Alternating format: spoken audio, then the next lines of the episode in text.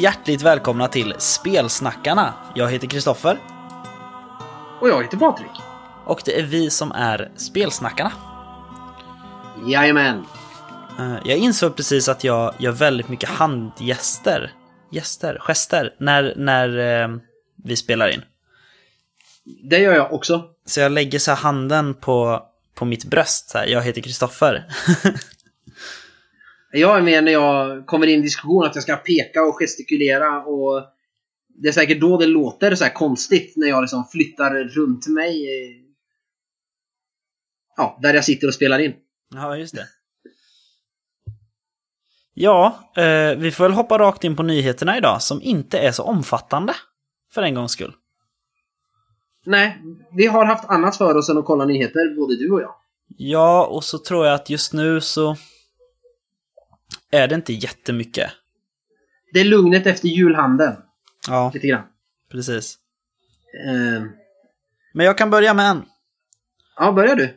Eh, snart kommer, eller snart, jo snart kommer scenario, ett första scenario till eh, Skrömt av Bläckfisk förlag. Eh, Wee! Yes, precis. Jag tror att det kommer släppas officiellt till Gotcon, men vi som backade det kommer få det tidigare. Eh, nu tog jag inte upp här vad det heter innan, men det är i alla fall eh, Gabriel de Boer som har skrivit det. Eh, och det roliga är att det var ett stretch goal som inte uppnåddes. Just det. Att Gabby skriver ett, ett äventyr eller scenario. Men sen så bara, hallå, nu kommer snart det här scenariot till, till Skrömt. Ja, men vad, jag kommer inte ihåg om det var det scenariot eller om det var till svenska Call of Cthulhu. Jag tror det var till Skrömt. Som vi hade diskussion att ja, men vi vill göra det här ändå. För det blir så säkert bra. Så vi gör det i alla fall. Jo, jag tror det var det här. Ja. Ehm, Och det är kul. Ja, jag måste säga vad det heter för jag vet att det är ett bra namn. Jag ber om ursäkt för det här, vi borde förbereda oss bättre. Um, du, du, du, du, du. Nu hittade jag det inte bara för det. Helvete. Eh, Fast du har ju suttit, du har suttit och jobbat med ditt examensarbete fram till att vi tryckte på räckknappen. ja, Typ. precis. Så att jag, ehm, jag skäms lite. Skitsamma, det är, det är ball i alla fall. Någonting som är vitt, tror jag. Den vita någonting. Eh, vi återkommer om det. Förlåt. Den vita valen. Ja, Jag tror det är den vita staden eller något sånt där. Vi, skitsamma, det kommer snart. Det kommer bli ball, vi kommer snacka om det. Är det en parodi på Fågelström, så här, Mina drömmars stad? Ja, eller hur? Nej, men har det, vi mer? det kommer ett scenario i alla fall. Det är bra. Eh, jo, vi har ju också Trolldom i Masona från Eloso förlag. Ja. Eh, på eh, Game On Tabletop. Som, eh, vad heter det, plattform den här gången. Det, det går inte så bra, skulle jag säga. Ehm, och, och med, när vi säger så så menar ju vi i perspektiv kickstarten, kickstarterserna som når sina mål så här på en kvart, liksom.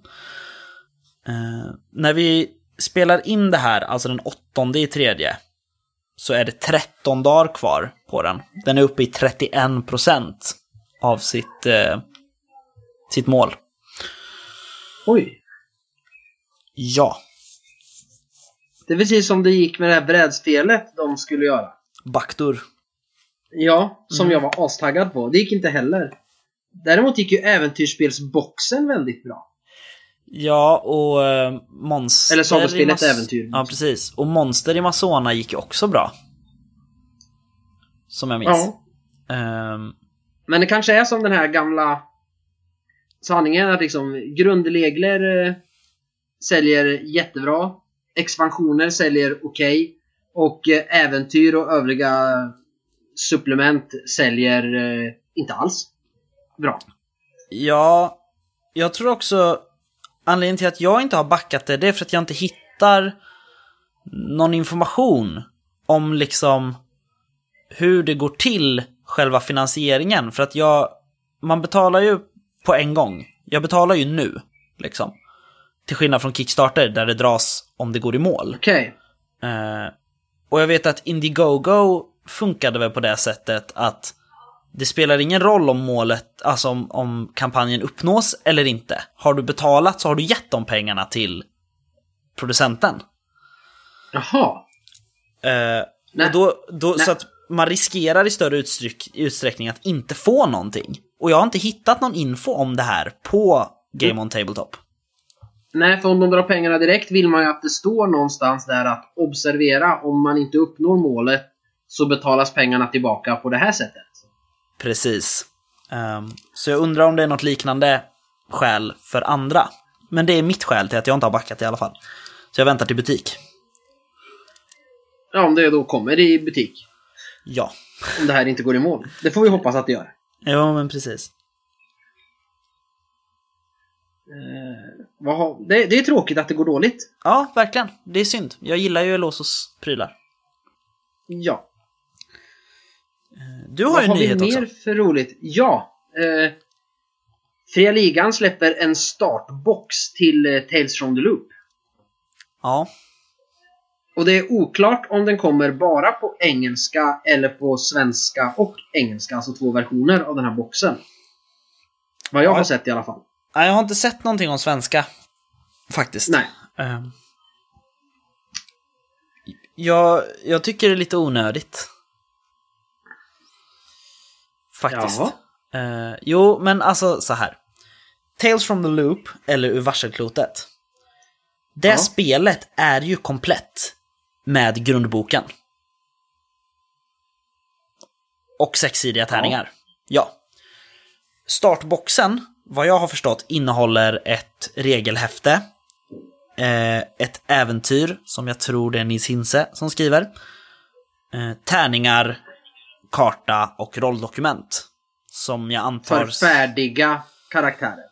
Ja, jag antar Som- det. Jag har inte sett Jag har för mig att jag läste det att det är free gems. Ja, okej. Ehm, så att det är liksom... Bortsett från, från tärningarna så är det det som är i grundboken. Som är mycket billigare. Och därmed mer prisvärd. Om du hänger med i vad jag menar. Ja, Ehm, det hänger jag med. Och, och, och det är tokigt. Det är en annan sak om man gör eh, som de har gjort med, med MUTANT. Eh, eller gjorde med första att Eller om man om man skulle ha en box till Tales from the Loop där reglerna följer med. Det här äventyret, tärningar, ett helt rollformulärsblock. Och det kanske kostar 50 spänn mer än bara grundboken. mm. Men jag... Då är ja, det en... För, jag, jag gillar ju det. Jag har ju köpt... Eh, den, eh, inte den här nya mutantboxen utan den, vad hette den, startbox. Den Ja, första som kom. Ja, Med det startboxen. coola nya omslaget. Mm. Eh, men det var ju framför allt för att få den lilla kampanjen, minikampanjen som är med. Och för att få alla markörerna. Eftersom jag bara har köpt kampanjboken och regelboken. Även om reglerna hade jag ju redan. Jo. Eh, men det är sant. Ska man göra en box, vilket jag tycker man ska göra, så ska ju allting vara där i. Ja, alltså det måste finnas något skäl för mig att välja boxen framför ett annat alternativ. Ehm, för att de har ju på Fria Ligans store så har de ju de här uh, Gravitron-paketet tror jag det heter för varselklotet va?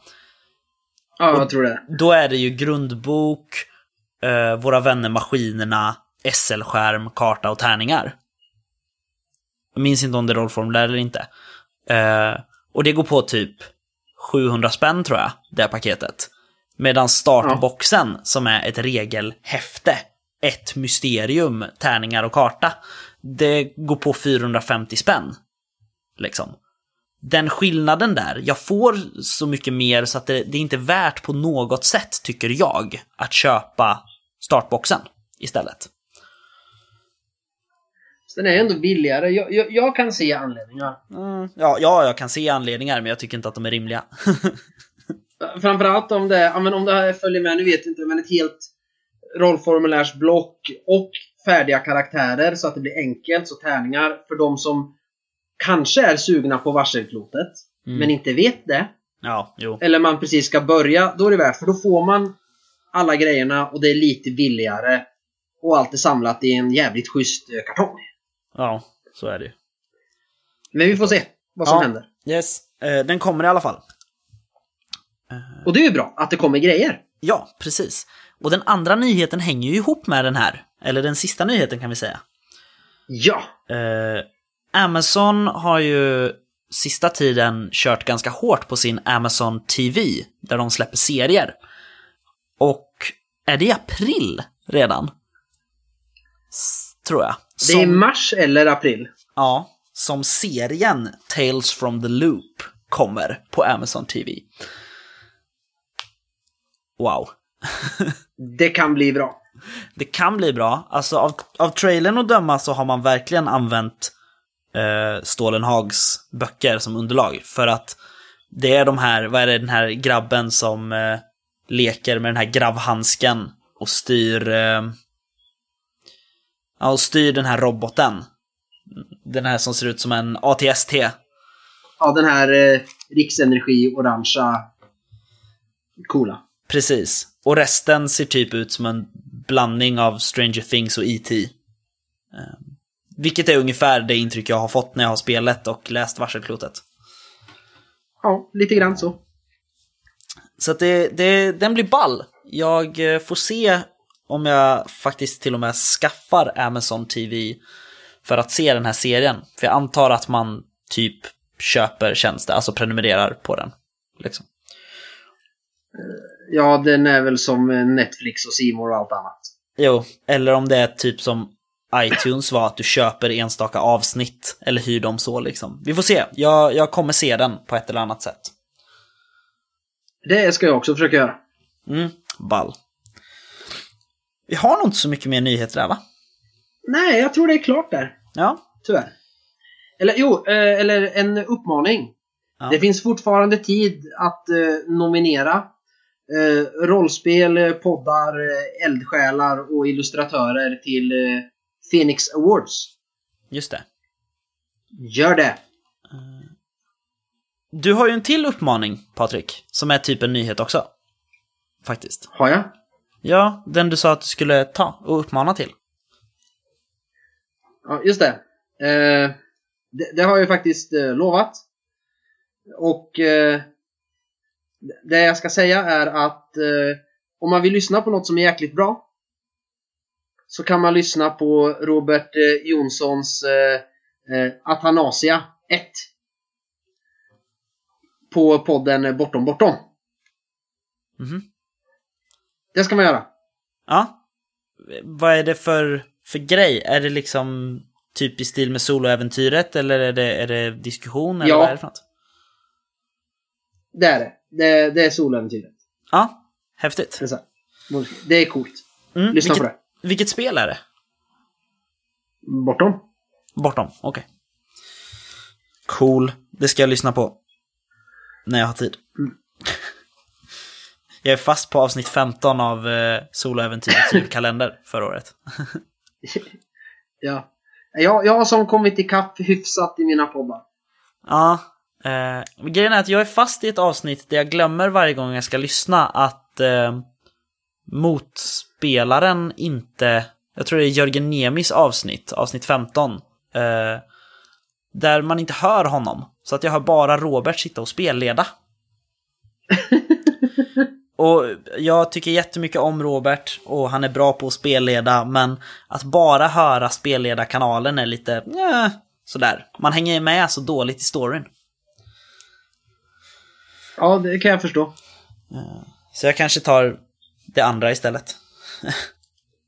Kanske. Yes. Nu har vi inga fler nyheter eller uppmaningar va? Nej, tror jag inte. Nej. Eh, har du spelat någonting sen vi pratade sist? Det har jag. Kul. Ja.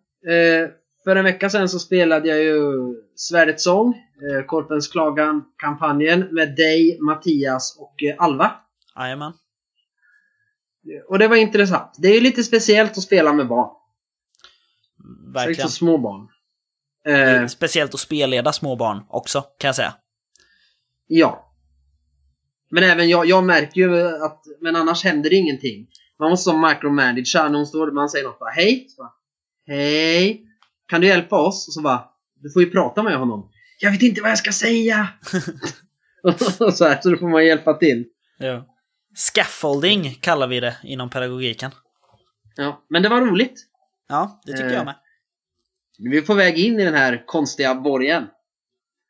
Eh, och min karaktär Nargasvorg är fortfarande övertygad om att det är bara att gå in och spöa någon trollkarl och så tror jag han har läst eller om han bara hörde någon konversation och det är ganska länge sedan i, eh, när, i kampanjen. Något om ett eh, Prutonexus som ska slås sönder eller öppnas eller något. Han minns inte riktigt och inte jag som spelar heller så det blir intressant att se vad jag gör. Just det. Och det enda jag minns om Nexus, det är att när jag hör ordet Nexus, det är att ja, i Sirazias vita Folmerbok så använder hon permanens och Nexus för att fixa sitt förtrollade slott Skymningsros. Så det är säkert ashäftigt med ett uh, Protonexus. Och det är säkert Protonexus egentligen, men Argasvorg, min karaktär, har bestämt att det är Protonexus. Just det. Eh, Eh, Nagasvorg fick ju någonting också till förra spelmötet. han fick lite profetior, eller en vers. Fick han. Ja, just det. Och det vart användbart. Ja. För att spöa någon läskig demon eldvarg grej som ja. Eh, sen fattar inte han, och inte jag heller, än så länge, riktigt resten av det där. Vad vi har för nytta.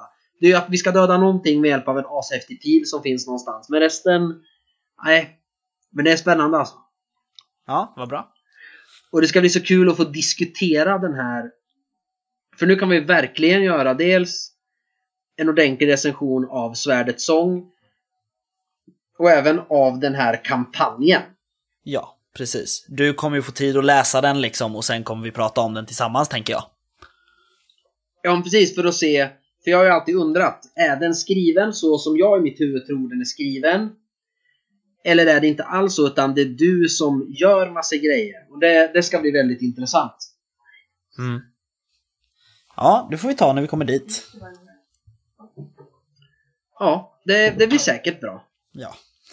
Eh, men framförallt så känner jag då att eh, hur du nu, att prata om hur du har gjort och hur det står i boken.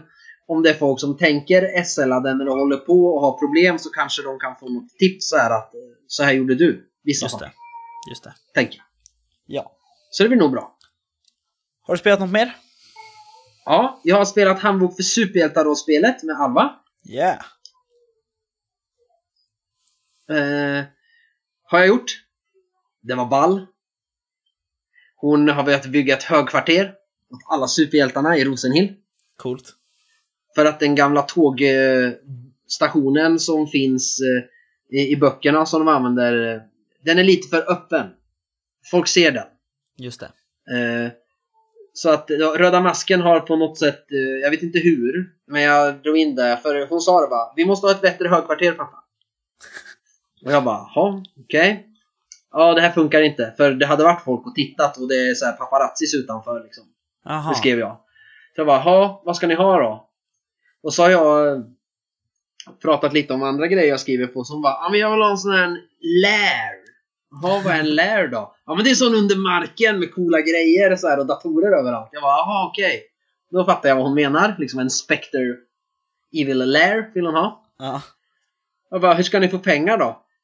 Ja, vi kan ju inte råna banker, det är dumt, så jag vet inte. Men eh, då bestämde jag att Röda Masken är ju så populär så att eh, superhjältarna får spons Okej. av staden liksom för att de ska kunna vara ännu superhjältigare. Wow. Så det blir bra. Ja, låter ball. Sen eh, så har jag spelat i fredags och i lördag, i, i fredags ett och i lördags ett parti Carcassonne med min fru. Eh, och jag hade glömt bort vissa expansionsregler i fredags så jag vann med typ 100 poäng över henne. Eh, Sen läste vi på för hon sa att så här är ju inte reglerna egentligen. Hon hade ju rätt. Så när vi körde med reglerna som man ska i lördags, då fick jag stryk istället. Aha.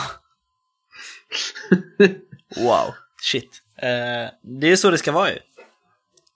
Ja, vi skulle, jag skulle egentligen fått spela Matches of Madness i helgen. För de bara ja, ja, nu har du tjatat i ett år och hållit på. Du ska få spela. För vi skulle vara barnfria. Men Leia fick ögoninflammation så att vi har inte kunnat göra det. Nähä, okej. Det tar ju några timmar och man kan ju inte lämna det när man har en ett och ett halvt åring hemma som klättrar överallt. Då kan man inte lämna partiet över natten eller en timme på ett bord. Nej. För då är det kört. Det går knappt Jo. att spela Carcassonne. Så att eh, vi får vänta. Ja. Sen har jag inte spelat något mer. Men det var lite grann. Ja då. Vad har du spelat sen sist? Inte lika mycket som du, tror jag. Va? Mår du bra? Är du sjuk? Uh, nej men det, det är mycket jobb nu. Jag är ute på praktik. Jag har kompisar som håller på och flyttar. Andra kompisar som också har praktik. Det, det är lite uppstyckat i grupperna just nu, kan man säga. Eh, Okej. Men jag har ju spelat Svärdets sång i alla fall. Mm. Eh, det var kul, det har du redan berättat om. Sen så har vi ju kört vidare på Snösaga nu. Eh, jag tror att både jag och vår SL Fredrik höll på att bajsa på sig förra mötet. Okej. Eh, vi kom in, vi berätt, jag berättade ju sist, vi kommer in till den här stora borgen i norr. Eh, Ysetur. Och så eh, klippte vi sista gången när, eh, när vi stod vid porten liksom och, och vakterna sa att vi skulle bli mötta och transporterade. Eh, så det blev vi nu, det här mötet, och så gick vi in och som man skulle så skrev vi in oss i några dokument tror jag. För att vi skulle visa att vi var där, eller något. Um, och det var ju lugnt, jag hade ju som sagt ett brännmärke i pannan. Så att alla litade på mig. Um, ja, och sen så drog vi runt lite grann. Uh, faktiskt. Det var någon slags by utanför uh, där. Utanför stan. Eller utanför den här borgen. Och vi var tvungna att gömma oss lite för att vi hittade, vi stötte på några familjemedlemmar som var släktingar till några som vi hade piskat skiten ur några månader tidigare. Ooh. Ja, just det. Jag måste säga att vår, vår dvärgkamrat Skult, han lämnade sin tama mastomant utanför. En tam mastomant. Ja, helt jävla sjukt. Eh, jag ska inte gå in på hur det gick till, men det, det gick i alla fall. Kort och gott, när, när spelmötet nästan ska avslutas, eh, vi bestämmer att nej, vi, vi ska in i borgen, liksom. Vi får ju vara här. Eh, vi försökte knacka på den stora porten och eh, då fick de höra att eh, det inte mässa förrän i gryningen. Liksom. Nähä. Och då gjorde vi som Yllet och Gubben i Kåldolm och Kalsipper, så vi tog köksingången istället. Och träffade en tjänare. Nej, eller ja, typ. Det står en vakt där. Ehm, och, ehm, och bara, jaha, vad, vad vill ni? Vi bara, "Men vi ska in. Varför då? Det är ingen som ska in. Det är ingen som ska in i den här borgen. Vad är det ni inte fattar? Och jag börjar rota lite i alla handouts jag har fått. Och så stöter jag på meningen eh, Prästinnan ska offras i järnschaktet. I ett Ja. brev som var undertecknat någon Ise. Så jag tittar den här vakten i ögonen och säger vi ska hjälpa Ise offra prästinnan i järnschaktet. Det har aldrig varit sån spänning runt ett spelbord förut.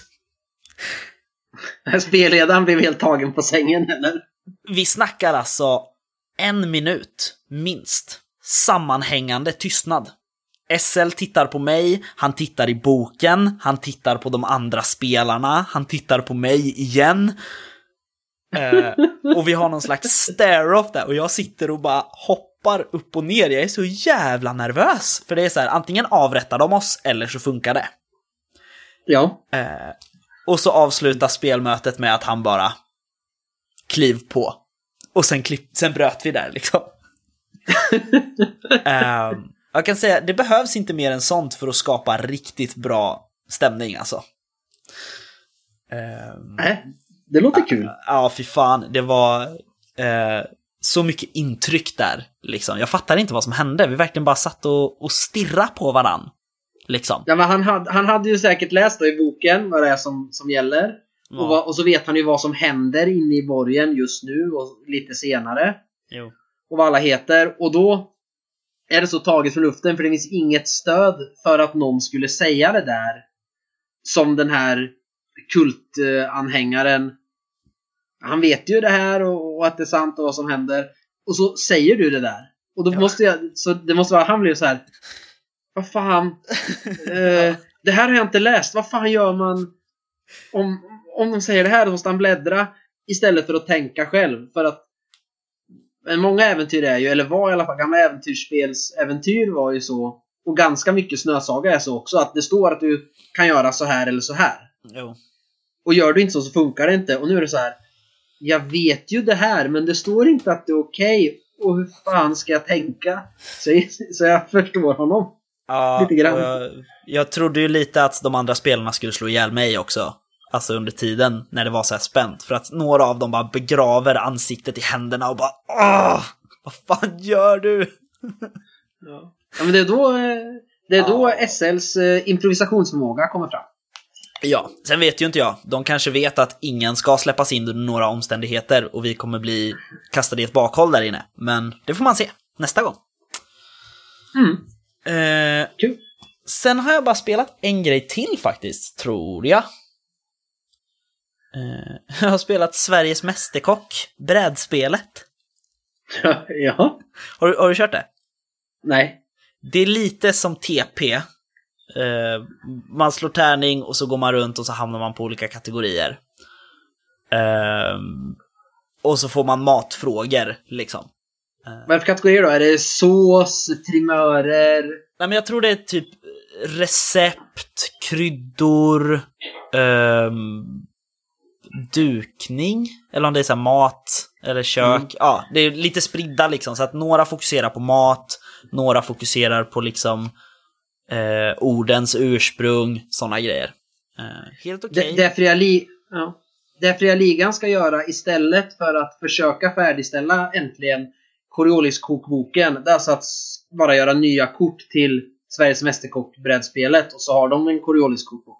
Ja, precis. Ehm, nej, så det har jag spelat. Jag vann inte. Jag blev jättesur. Ehm, för att ibland så kan man få så här typ lightning round. Alltså när man får typ en minut på sig så ska man svara på så mycket frågor som möjligt. Ehm, Ja. Och när de två som fick det fick frågor, jag kunde ju varenda fråga. Liksom. Eller jag kunde varenda svar snarare. ja. Men det där är irriterande i alla frågespel. När, när någon annan får massor frågor som man själv tycker är jättelätt och så får man själv så här jättejobbiga frågor. Jo. Som man inte kan, men alla andra är lätta. Jo. Nej, men jag tror att det är det jag har spelat faktiskt. Ja. Bara. Har du skrivit något då? Det har jag. Eller skrivit. Eh, jag har ju läst igenom eh, mörka regimen i, inför layout här så att det är eller layouten så det är rätt storlek och kursivt där det ska vara och fet stil där det ska vara. Och Mm. sådär. Mm.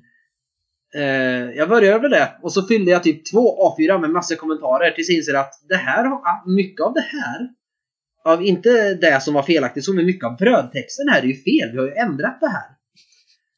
Och så visar det sig att det inte är rätt version liksom i just det här kapitlet. Så det jobbet var ju lite ogjort. Eh, Fast det var bra jag hittade.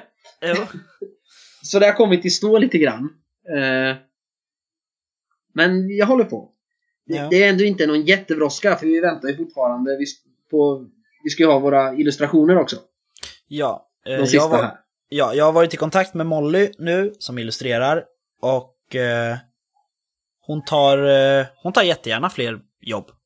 Liksom. Hon gillar att jobba Ja. med regimen, så att det är ju Ja. bra. Nej men, så vi... Jo, så... Det, det går lite på sparlåga. Liksom. Vi... Jag kommer på, vi körde lite smart där att vi beställer illustrationerna som fattas kapitel för kapitel.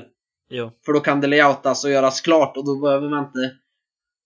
Och då blir det inte så övermäktigt heller utan då kan man sitta en dag och korrläsa ett kapitel. Och så Precis. kommer de bilderna och så layoutas det och så korrar man det när det är layoutat och klart och så är det färdigt och så väntar man på bilderna till nästa. Så att, Ja. eh, det går framåt. Sen hade jag en dag här världens roll och fick ganska mycket i Eye of Shiva, den kampanjen jag skriver till Troubleshooters. Och bara, ja, men nu, jag ska skriva oavsett hur mycket tid jag har, jag måste ju göra det här nu för spelet kommer ju liksom. Jag kan ju inte sitta här och inte skriva. Nej. Eh, så då bestämde jag mig så här att om jag ska skriva en timme om dagen. Minst, så att det blir gjort. Sen blev Leia sjuk, ögoninflammation. Sen blev jag sjuk och trött och så strulade med hästarna, så vi har mycket där. Och så blir min fru sjuk och så är jag sjuk igen. Så jag har inte mäktat med, fast jag var hemma utan egentligen något att göra flera timmar igår, så låg jag i fosterställning i soffan och jag orkade inte ens se på nya säsongen av Castlevania för jag fattade inte vad de sa på TVn. Nej. Och då är det illa, när man inte kan se på Castlevania. Jo. Eh, så jag har inte skrivit lika mycket där som jag borde. Men jag ska ta tag i det igen till veckan här för att eh, det måste bli klart. Det måste hända någonting Mm. i den. Så det blir färdigt. Sen... Nej, sen har jag inte skrivit något mer. Nej. Eller jo, det har jag. Jag gjorde en liten kampanj till vår bror Mattias figurspel. Eller en kampanjidé. För han efterlyste det.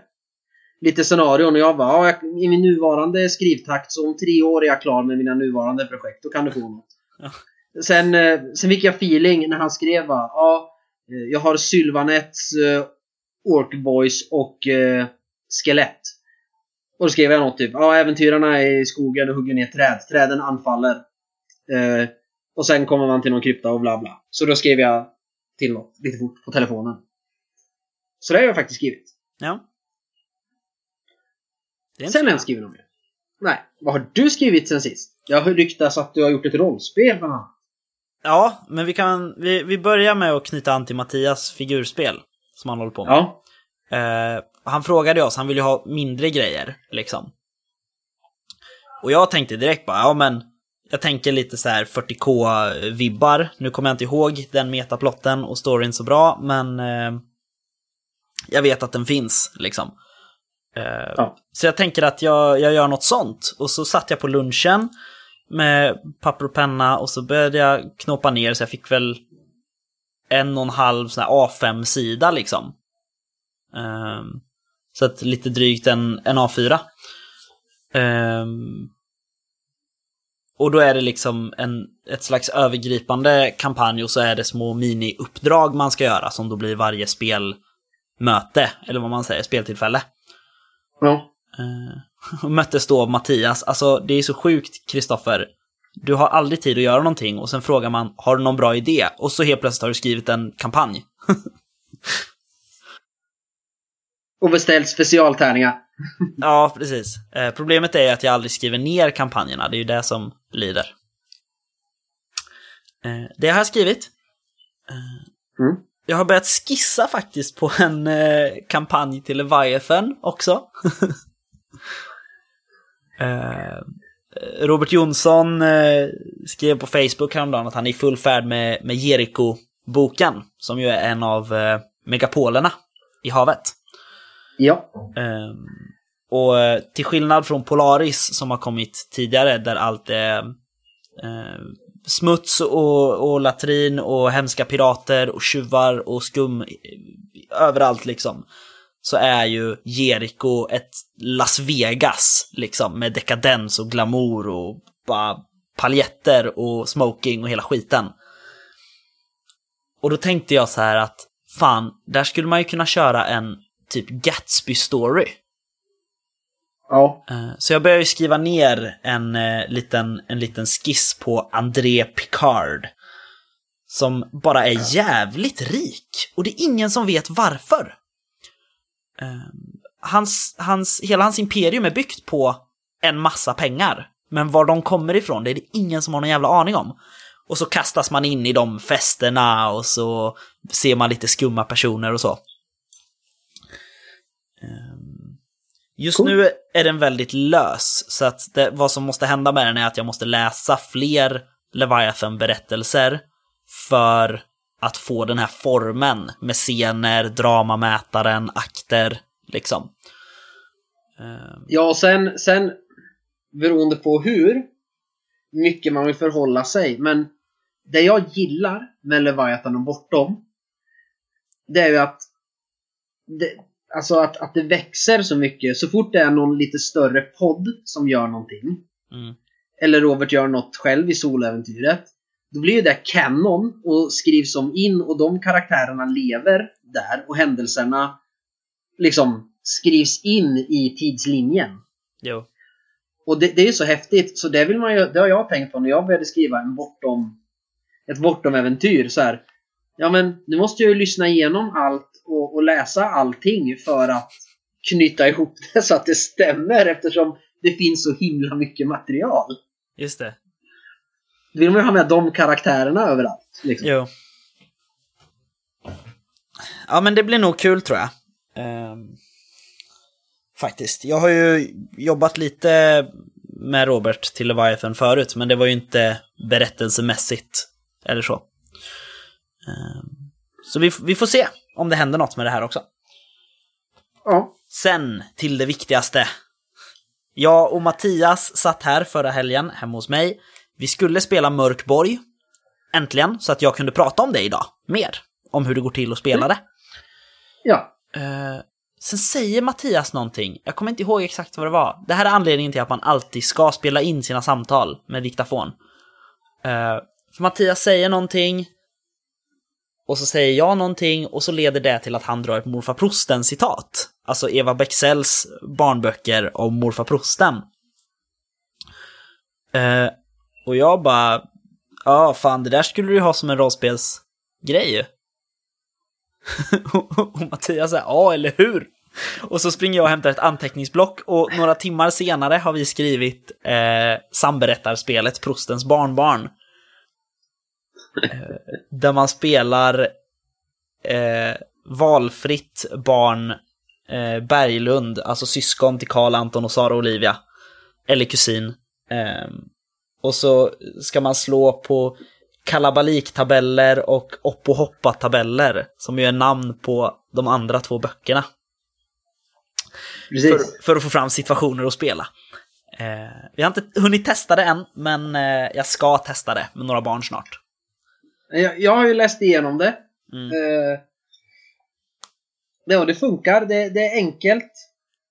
Regelmässigt och bra. Jag hade ju två syn, så synpunkter där på Mm. en, en liten, en mekanisk, en inte mekanisk, men vilken tärning man använder till vissa saker. För att få ihop det. Och sen ett förtydligande, men eh, så jag har inte spelat det heller. Men det verkar roligt. Och har man läst de här böckerna eller lyssnat på sagovanden som vi framförallt gjorde när vi var små. Mm. Då sitter man ju och asgarvar bara man läser det. Så att, är det är ju skitroligt. Precis. Vi fick till och med kommentaren när vi la upp det här på, eh, i gruppen Rollspelsskolan på Facebook, att det är det bästa som har hänt i svensk rollspelsväg sedan millennieskiftet. Det är ett ganska bra betyg. Det är helt okej betyg, känner jag. Det kanske... Eh, Jag tror inte att du kommer eh, att ni blir nominerade och vinner eh, bästa rollspel, Phoenix Awards, men i alla fall. Nej, för det är 2019, så det får ni göra till nästa år. Precis. Ja, så det har jag skrivit också. Men du, Patrik, på tal om att ta böcker och skriva rollspel av dem. Ja. Det är det vi ska snacka om nu, den tiden vi har kvar. Eller hur? Eller inte riktigt, ja. men typ. Ja. Och det har vi lite pratat om förut. Ja, i ganska många olika sammanhang. Framförallt. Ja, fram, framförallt gjorde vi det väl i ett av de första avsnitten som var just det multimediala. När det återfinns, en berättelse återfinns i olika medium. Precis. Eh, då, då var det ju fokus på det, för jag, jag... Det var när jag hade börjat spela Varselklotet precis, tror jag. Ehm, och så hade um, Muschettis eh, It kommit, den första, på bio. Och jag blev sugen på att göra ett, en Varselklotet-kampanj utifrån Stephen Kings It. Att man gör om. Pennywise från en typ, ja, vad han nu är, jag minns inte. Han, han fanns ju i det där som den jättestora sköldpaddan hade med sig när jorden skapades. Skitsamma. Eh, att man gör om det till en forskare istället, en elak forskare. Precis. Men vi snackade ju, vi har ju också snackat lite om Svavelvinter och Erik Granström. Ja, men den är ett bra exempel på det där. Just för att det har gått i såna, så många olika cykler. Att på 80 och 90-talet skriver Erik Granström Konflux-sviten, fyra äventyr till Drakar och Demoner Expert. Ehm, sen i början av 2000-talet, va? Kommer Svavelvinter-romanen. Ja. När är det den kommer? 2004? Tror jag. Spontant vill jag säga. Eh, jag vet inte, jag vet. Men däremot så har jag Slaktade små här på sängbordet, den andra boken. den kom 2012. Ja. Mm. Ja, Då kom det nog inte 24 då, men det kom någon gång i alla fall. Ehm, och under tiden som Slaktare små skrevs, alltså den andra boken som delvis bygger på äventyret Oraklets fyra ögon, så skrivs rollspelet Svavelvinter Ja. och ges ut av Fria Ligan. Så att liksom... Och där har det ju tvärtom, om äventyren låst till förlaga till böckerna, till romanerna, så är det ju romanerna som har legat till förlaga till spelet. Absolut. Ehm, och jag sitter ju med en hög här, det finns ju massor med exempel. Så det var ju därför jag ville gå igenom liksom vad... Vad är det som funkar bäst? Hur ska det funka? Vad gör det bättre? Vad gör det mindre bra? Och så vidare. Ehm. Och Ja. vi kan, väl, vi kan väl börja med, vi har ju pratat om Snösaga till, och kommer fortsätta prata om Snösaga till döddagar, men du har ju sagt det att det skulle passa mycket bättre som en roman. Ja. Ehm, och det är väl för att det är så mycket beskrivningar av saker rollpersonerna och spelarna aldrig kan upptäcka. Till stor del, Ja. va? Mm. Ja, och att den är så... Den är så otroligt rälsad. Det var som vi sa här. Det står att om de gör det här så dör de. Gör de det här så lyckas de. Jo. Ja, men om man gör något mitt emellan där då? Det finns inte. Och det är ju för att man har tänkt, och så har jag också tänkt när jag skriver, men de, jag tror att konstruktörerna har tänkt sig det hela som en bok. Alltså, eller som en berättelse. Just att, ah, men det vore coolt om man gör det här, och så händer det här sen. Eh, li- liksom att, för så har jag också gjort ibland. Nu har jag ändrat hur jag tänker när jag skriver äventyr och kampanjer. Men jag har tänkt så också. Mm. Att det utspelar sig på ett visst eh, ett, ett händelseförlopp egentligen. Just det. Men de har även skrivit det på det sättet. Mm. Och då blir det inte en bra rollspelskampanj. Eller, det går, men det är mycket jobb. Men den hade varit ganska cool som roman. Ja. Men och då tjänar ju den typ istället det syftet, kan man väl säga. Att den skulle bli bättre som roman. Än vad den är som äventyr, så som det är skrivet. Ja, Medan som vi har diskuterat om Konflux-krönikan, s- vad romanerna gör, det är att de flashar ut äventyren, egentligen. Ja, egentligen så har de inte, det, det har jag tänkt på nu. När jag sitter och vi ska spela Kristalltjuren sen någon gång. Ja. Eh, att den, alltså när man, för när man har läst romanerna och allt coolt som händer där. Och om man nu ska ha en tidslinje händer ju mycket ashäftigt i andra och tredje eh, romanen. Parallellt med det som händer i Kristalltjuren. Fast där får liksom spela, eller karaktärerna aldrig veta för de är inte där. För de är och irrar runt i de grå hallarna och i Bytos. Mm. Så det är nästan så att jag har känt för att det är så coola grejer där i romanerna. Och så mycket intressanta personer. Så jag vill nästan kasta Kristalltjuren över axeln fast det är ett skitbra äventyr. Och köra romanerna istället. Just det. Eh, För att ja, i Oraklets fyra ögon och i eh, Svavelvinter och i den avslutande delen, den femte konfluxen. Där går det att lyfta in mycket coola element från romanerna. Men det går som inte att göra på samma sätt. Det är vissa scener i början och i slutet av Kristalltjuren. För annars så är man på elfri plats, för man är ju inte i Trakorien och det är där allt häftigt händer. Just det. Eh, Så ibland stör det lite grann, skulle du säga.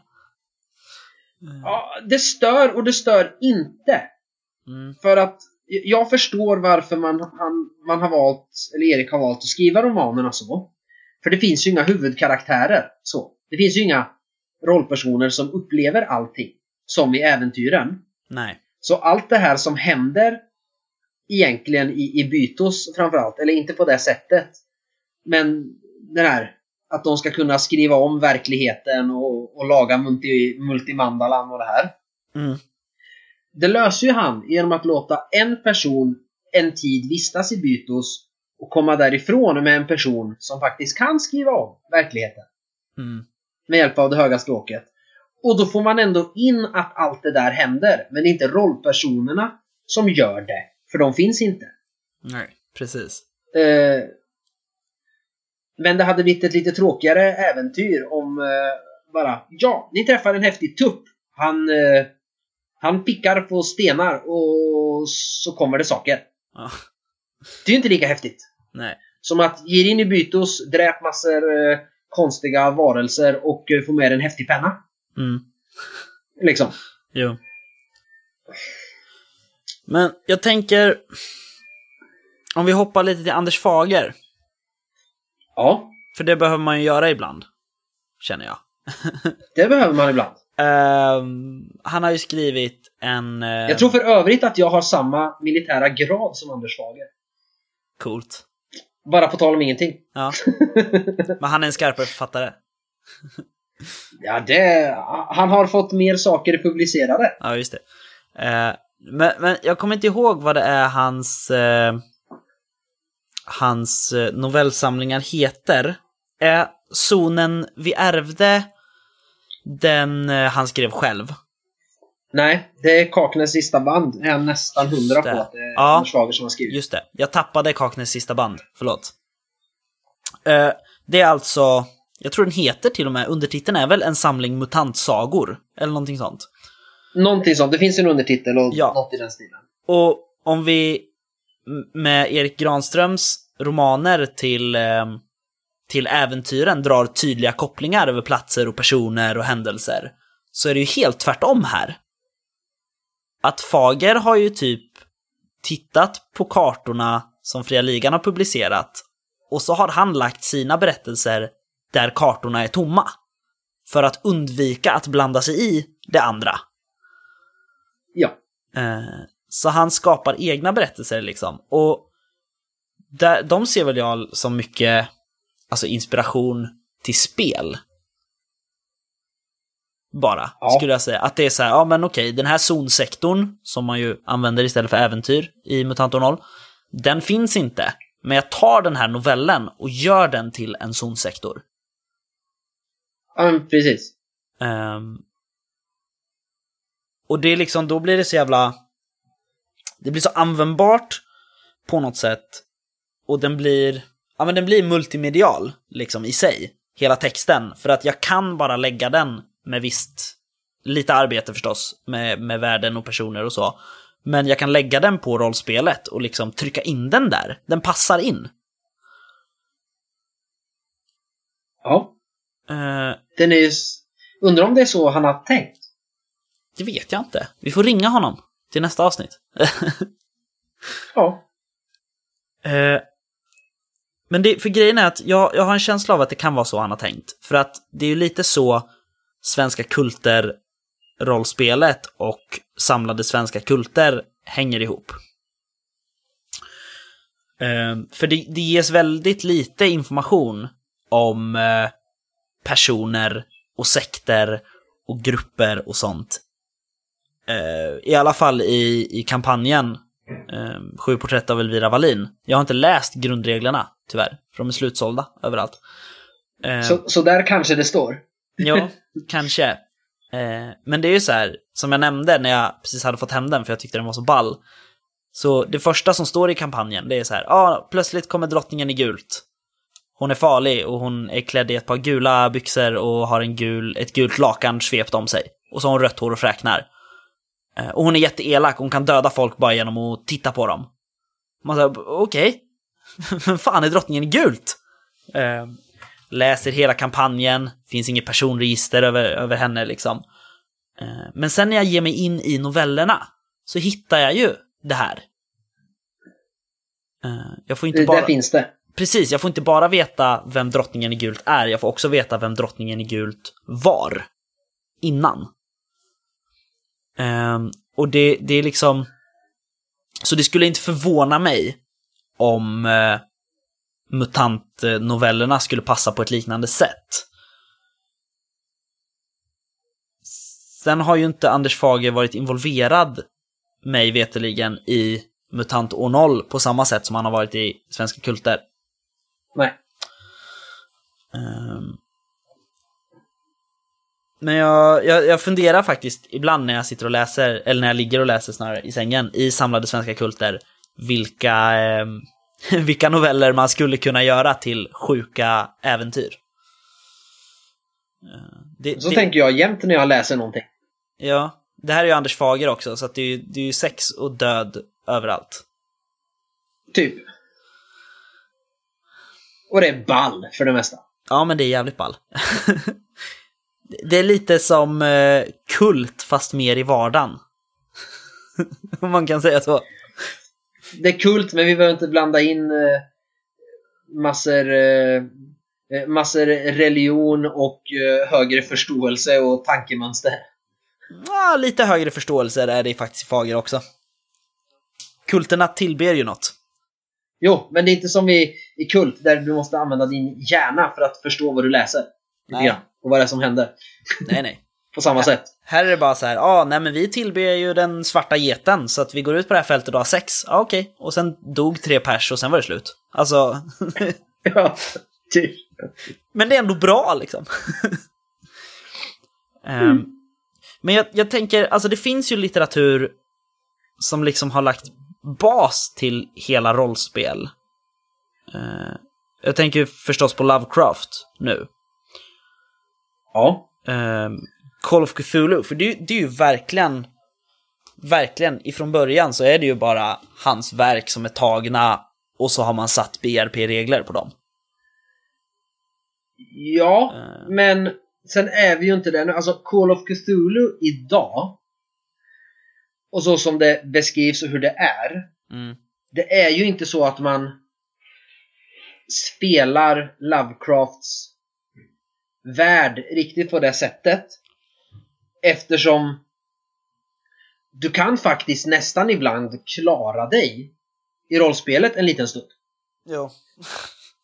Ja men och, och ja, men Ca- Call of Cthulhu har ju blivit något eget som är väldigt hårt baserat på Lovecrafts verk. Mm.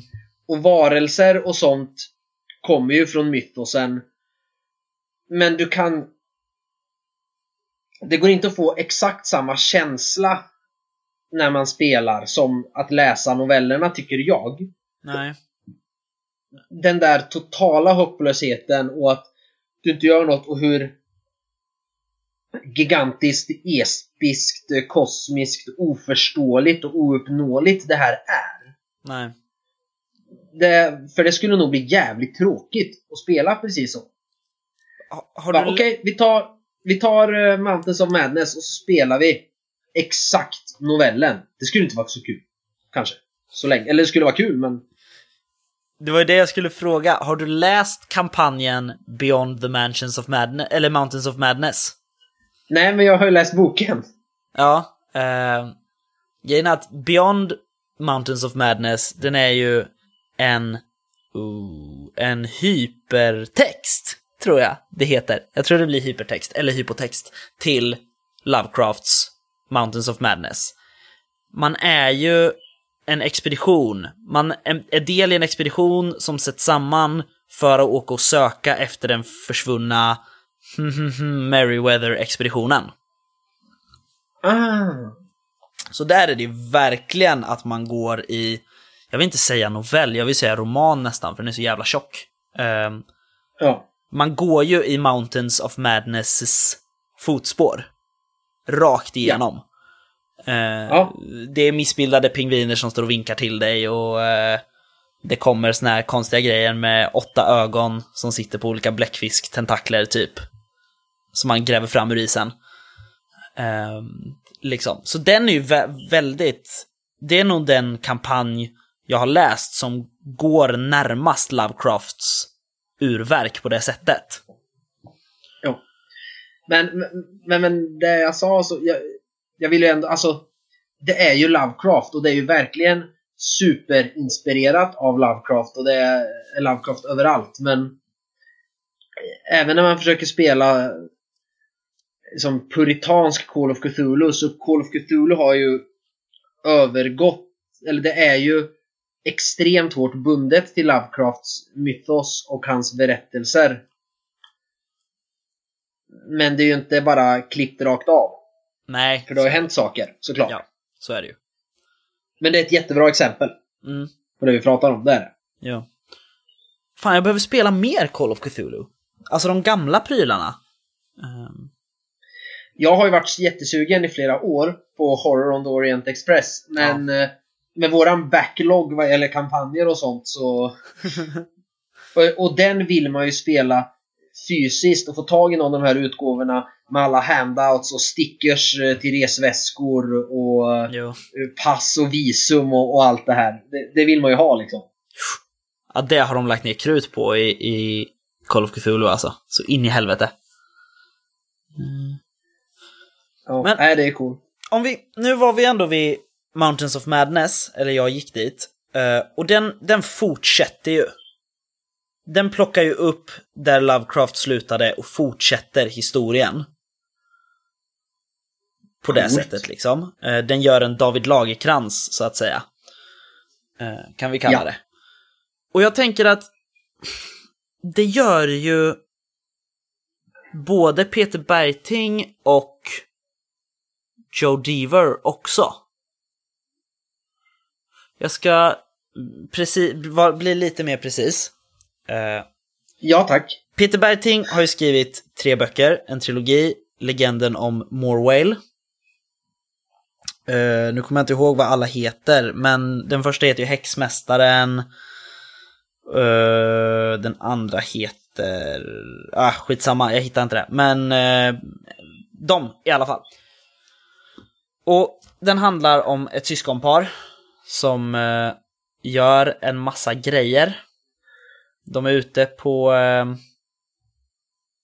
på expedition, helt enkelt. Och det finns en hemsk elak drake som heter Gorgobestor som har elaka planer. Eh, sen kommer Fria Ligans rollspel, spelet om Morwale.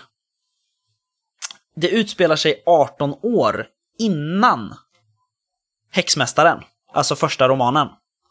Mm. Ehm, och man är liksom en del av den här, det här gänget som, eh, som eh, protagonisterna i romanen utgör. Ja, det är ju något typ äventyrs eller polisgille typ va? Här Ja. poliskår nästan. Ungefär. Eh, Jag kommer inte ihåg vad det heter, men det finns något namn för det. Men då, då hamnar man ju lite i riskzonen att man liksom påverkar romanen. Förstår du vad jag menar?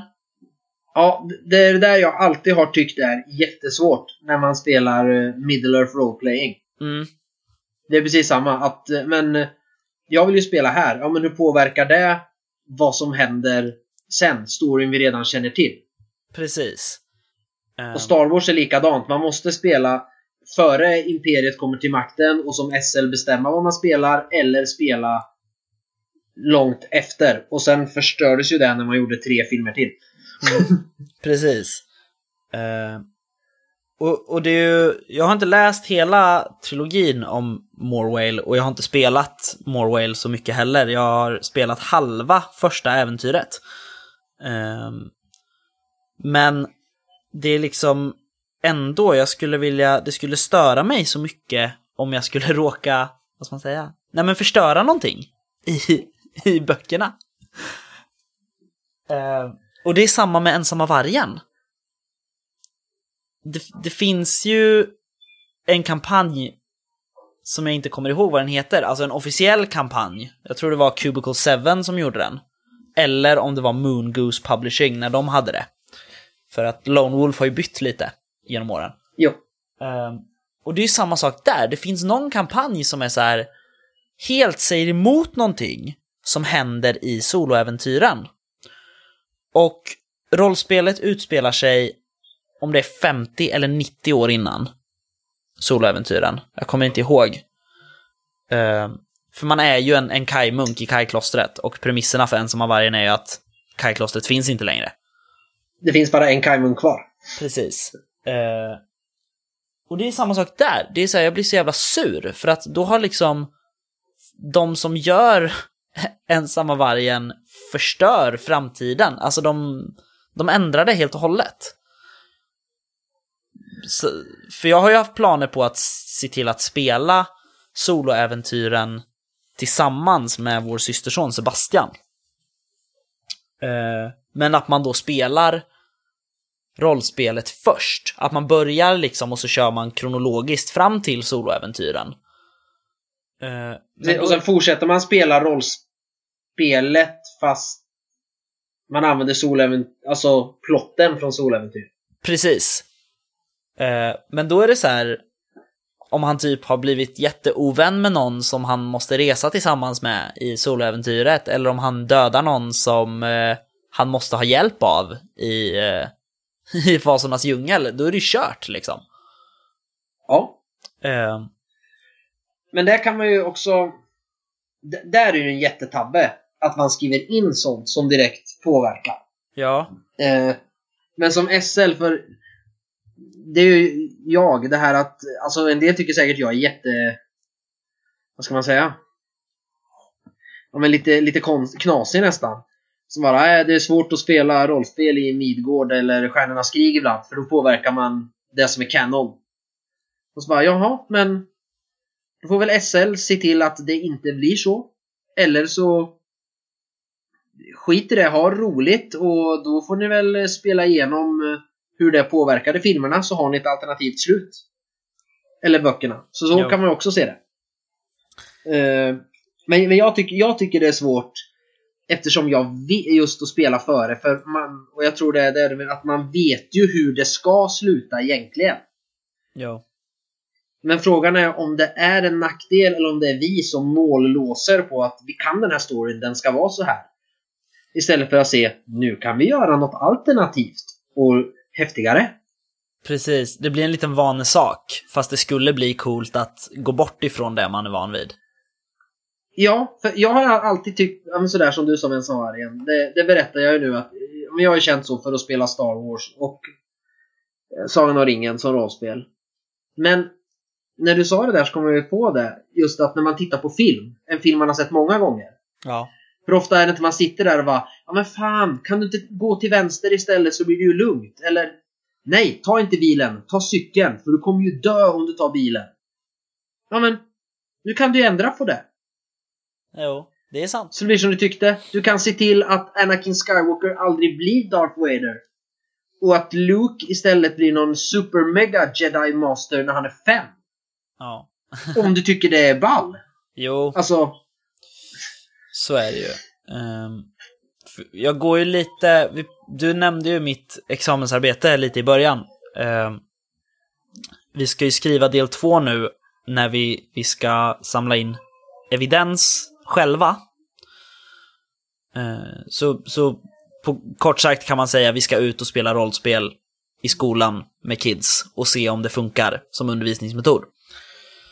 Ja. Eh, och vad vi har diskuterat då, jag och David, som jag skriver med, det är att använda Fahrenheit 491. Mm. Eh, heter den? Nej, 451 heter den. Jag kommer inte ihåg. Ja, ja men den funkar ju. Eller Animal Farm. Ja, ja, 451. 491 är ju den där sjuka svenska romanen av uh, Görling med Lena Nyman och hundar och, ah, skitsamma. Eh, Fahrenheit 451 av Ray Bradbury i alla fall. Eh, och, och, då tänker vi att det blir en, en liksom en moralisk fråga att spela det här. Att man bryter upp det här i lite sekvenser. Och antingen så är rollpersonerna då brandmän som jobbar åt staten med att bränna ner hus där det finns farlig litteratur. Som Marcel Proust och James Joyce och Edgar Allan Poe och Hemingway. Um, Och då finns det ju risk, jag tänkte på det idag, det finns ju risk att de ändrar. De är så goda liksom, de har så moralisk eh, styrning så att de ändrar historien. Och de slutar bränna böcker. Um, Ja. och jag, jag är ju rädd att romanen ska bli förstörd för mig. Om jag sitter och Ja. lyssnar på så här bara, ja, ah, nämner den här eh, eh, Montag liksom, ja men vi, eh, han verkar ju tycka att det här är roligt så att vi kastar honom till den här metallhunden och sen flyr vi. Och man bara nej, nu kan jag ju inte läsa boken igen för att nu kommer jag ju aldrig ha samma bild. Samtidigt som du blir stolt över eleverna. Precis, för att de, de tar texten och gör den till sin egen. Ja, det som det rollspel handlar det- om. Ja, nej men det är väl det. Jag har också tänkt sig som du, och det gjorde jag när, när vi började prata om det här. Ja, Men nu när vi har pratat så har jag kommit på att nej, det kanske är det som är så ball att göra det.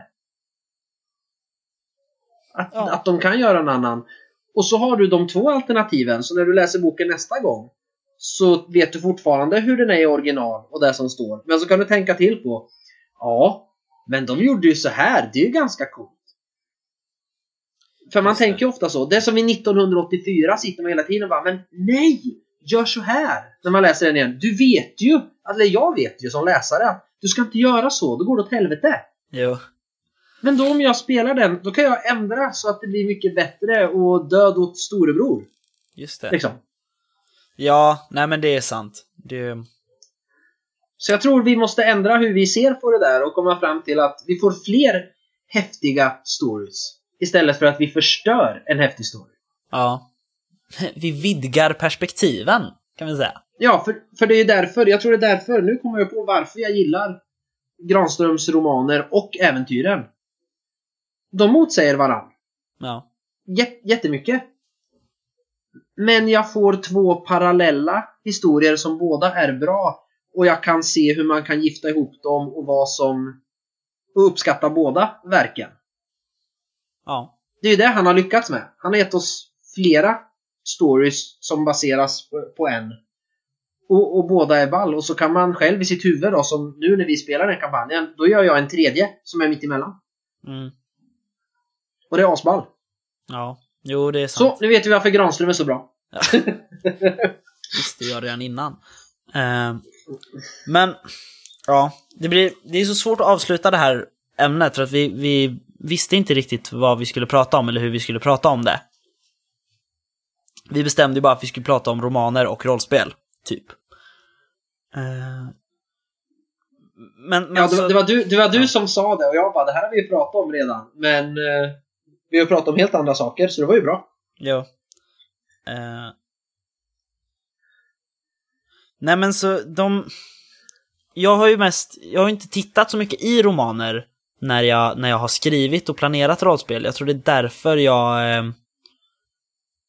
ehm, jag har så svårt att prata om det här. Eller jag, jag pratar ju om det, för jag, jag är bra på att prata, men jag är dålig på att liksom bestämma hur jag ska prata om det.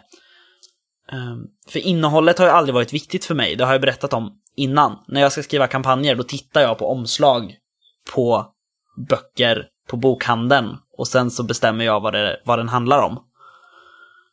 Ehm, Ja. Men nu kanske jag ska börja titta i dem istället. ja. Jag var ju jättesugen på att skriva ett rollspel som är backstoryn till 1984 istället. Hur jorden kom till det där. Nu när vi Wow. pratar om böcker och sånt. Då vart jag assugen på det. Ja. Shit, är det nu vi verkligen gör David Lagerkrans och bara börjar skriva nya trilogier på böcker som redan finns? Mm. Det här är Monflux-trilogin. Utspelar sig i Kaddo. Nej, nej det, här, det här är ju historien om den... Tre, vi skriver ju om den tredje konfluxen som förstörde det gamla Jorpanga-imperiet. Ja, just det. Ja, fy fan. Um, ja, jag skulle säga, nu, shit, jag tänkte ju något assmart jag skulle säga, men jag glömde bort det.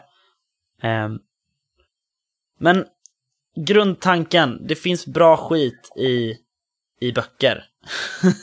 Som blir bra rollspel. Eller något sånt. Nej men jag hade ju något asbra att säga, men jag glömde det. Eh, det var någon roman som är jättebra. Som jag tänkte att, ja men det här skulle man ju kunna använda. Som liksom bas för, för antingen ett rollspel eller... Det är ju någon roman man har gjort ett rollspel på. Eller något rollspel man har gjort en roman av. Som inte är Erik Landström. Metro skulle ju kunna bli ganska bra. Ja, men det håller ju jag på med. Ja. Det ska ju bli eh, Tång och Tampar 2.0. Ja. Ja, Jag vet inte vilken du tänkte på, men det finns ju Nej. många. Ronja Ja. Rövardotter skulle kunna bli jävligt ball. Oh, wow. Och då blir det samma Eller Madickens där. pappa. Vi var, ju, vi var ju sugna på att skriva backstoryn för Madickens pappa. Ja, men det är lite svårt att göra ett akademiskt spel om hur man är en socialistisk journaliststudent. Med mycket cash. Ja. Ja, men det är, ja, vi skiter i det jag skulle säga då. Jag kommer inte på Ja. det i alla fall. Nej. Jo! Den där gången, jag tror vi har nämnt det en gång innan, men jag kom på det nu. Den där gången Theodor Bergqvist faktiskt skrev en roman på ett av sina spel. Som blev jävligt ball. Alltså, ja, kabball. Badum. Psh. Det, var, det var faktiskt oavsiktligt. Men eh, det finns ju det som nu är Lexocultum som förut var Götter Dämmerung. Ehm, förlåt, Götterdämmerung har David sagt att det ska vara. Ehm, det var så här, jag hade så svårt att få grepp om, eh, om, om spelvärlden och så bara utifrån boken. För att det står, de säger så lite i böckerna. I grundpaketet. Jo. men i hans roman, Kabal, så får man jättemycket info om världen och hur allting funkar. Eh, och det är nog därför jag lite extra vill ha Snösaga som roman. Ja, nej men för ofta är det ju tvärtom. En, något som först är en roman, eller film eller någonting. Då beskrivs det inte så jättemycket i spel, för det behövs inte. Eh, ja men återigen, Sagan om ringen till exempel. Ja visst, Ja. det står lite grann om hover och sånt i grundböckerna. Men inte så mycket. Men det är för att allt bakgrundsmaterial finns ju i jättemånga böcker redan. Liksom. Jo. Till och med alfabet finns. Och Stjärnornas krig är samma sak. Det finns ju filmer. Så... Sen kommer det mycket sourcebooks i alla fall, men liksom i grundboxar och sånt. Så det där är ju coolt att eh, man gör det tvärtom. Nej, vi hade inte så mycket. Men vi förklarar det sen i en roman. Jo. Ball. Så att det, det, det, Anders Fager har alltså jobbat efter Tolkien-mallen. Ja, och den visar sig ju funka ganska bra. Jo. Uh, Sourcebooken är eh, romanen helt enkelt. Alltid. Eller inte alltid, men, Ja, men- ja, du fattar vad jag menar. Ja.